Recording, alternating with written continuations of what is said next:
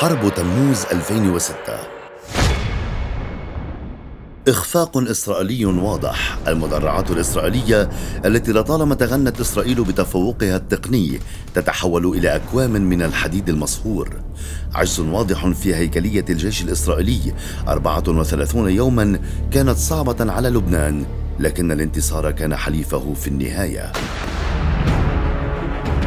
يمتد الصراع العربي الإسرائيلي إلى أكثر من ستين عاما للوراء وكان له مراحل عدة نذكر منها حرب تموز 2006 إسرائيل تأسر في وقت سابق سمير القنطار الذي كان حزب الله اللبناني يفاوض بشتى الطرق لتحريره. وبعد وصول هذه المفاوضات لطريق مسدود قام حزب الله بعملية الوعد الصادق التي استطاع خلالها أسر جنود إسرائيليين.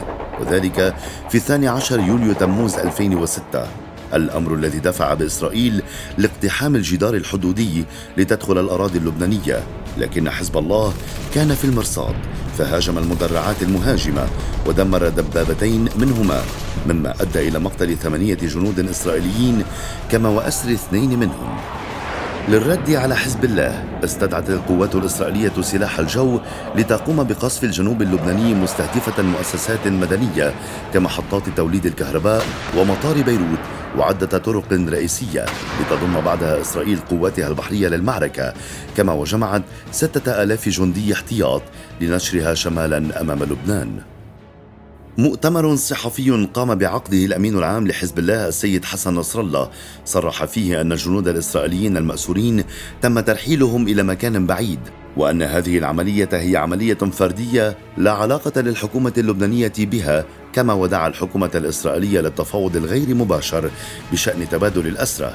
وقال بأن قواته مستعدة للتصعيد إذا ما استدعى الأمر مما حظى بإسرائيل لفرض حصار جوي وبحري على لبنان. تضع إسرائيل خطة لبدء الهجوم على لبنان حيث تباشر إسرائيل بقصف منازل المدنيين في الجنوب بحجة أنها كانت مستودعات ذخيرة تابعة للحزب.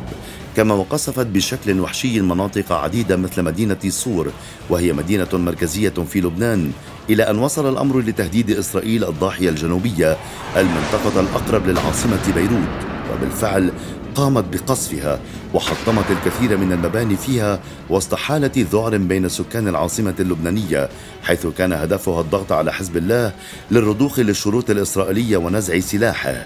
الأمر الذي أدى إلى موجة نزوح كبيرة لم تشهدها البلاد منذ انتهاء الحرب الأهلية حيث قام المواطنون والمقيمون في لبنان بالذهاب إلى سوريا وقبرص خوفا من خطر امتداد الحرب.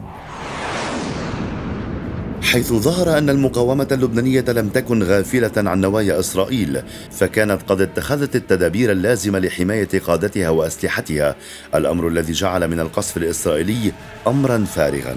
في المقابل قام حزب الله بإطلاق الصواريخ على مدينة حيفا المحتلة كما وأطلق عدة صواريخ على مناطق شمال إسرائيل وأعلن في بيان له أن إسرائيل إذا أرادت حربا مفتوحة فإن الحزب مستعد جدا لهذه الحرب.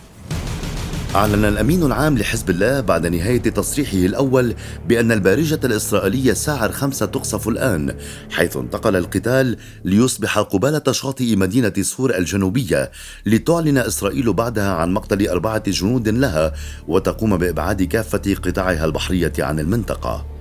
على إثر هذا. تقوم إسرائيل بهجوم بري داخل الأراضي اللبنانية لتصل منطقة مارون الرأس لتواجه مقاومة عنيفة جدا في المناطق التي دخلتها من قبل حزب الله. حيث أن إسرائيل ولضراوة القتال لم تستطع التقدم لأكثر من 1300 متر وكانت الجبهة عبارة عن كيلومتر واحد وتكبدت إسرائيل خسائر عديدة في صفوف قواتها تنوعت بين مدرعات وجنود مما جعلها في حالة صدمة. بعد معركة مارون الراس تغير الموقف الإسرائيلي تماما فكان الاستمرار بالحرب حاجة لإرجاع صورة الجيش الإسرائيلي التي تحطمت في غضون ساعات. على إثر هذا تعود إسرائيل لتهاجم على ذات المحور في بنت جبيل لكن المقاومة ردتها وبقوة لتقوم إسرائيل بالانتقال إلى عيت الشعب ولكن حظهم لم يكن أفضل هناك لما شاهدوه من مقاومة شرسة. وانتقلت بعدها إلى العديسي حيث تم دحرهم بجدارة. إخفاقات تلو الإخفاقات ولا إنجازات عسكرية على الأرض. فتبين لإسرائيل أن الخسارة باتت حتمية. الغارة على بساتين سور الشرقية في الرابع عشر أغسطس آب 2006 كانت الأخيرة. حيث دخل قرار وقف الأعمال العدائية بين الطرفين 1701 حيز التنفيذ حيث تم انتهاء الأعمال القتالية من الجانبين وانسحاب إسرائيل إلى الخط الأزرق وتراجع حزب الله إلى شمال النهر الليطاني وانتشار الجيش اللبناني في الجنوب. هذه الحرب رغم مدتها الزمنية القصيرة نسبيا إلا أنها دفعت إسرائيل للتفكير مرتين قبل دخولها لأي عدوان على الأراضي العربية.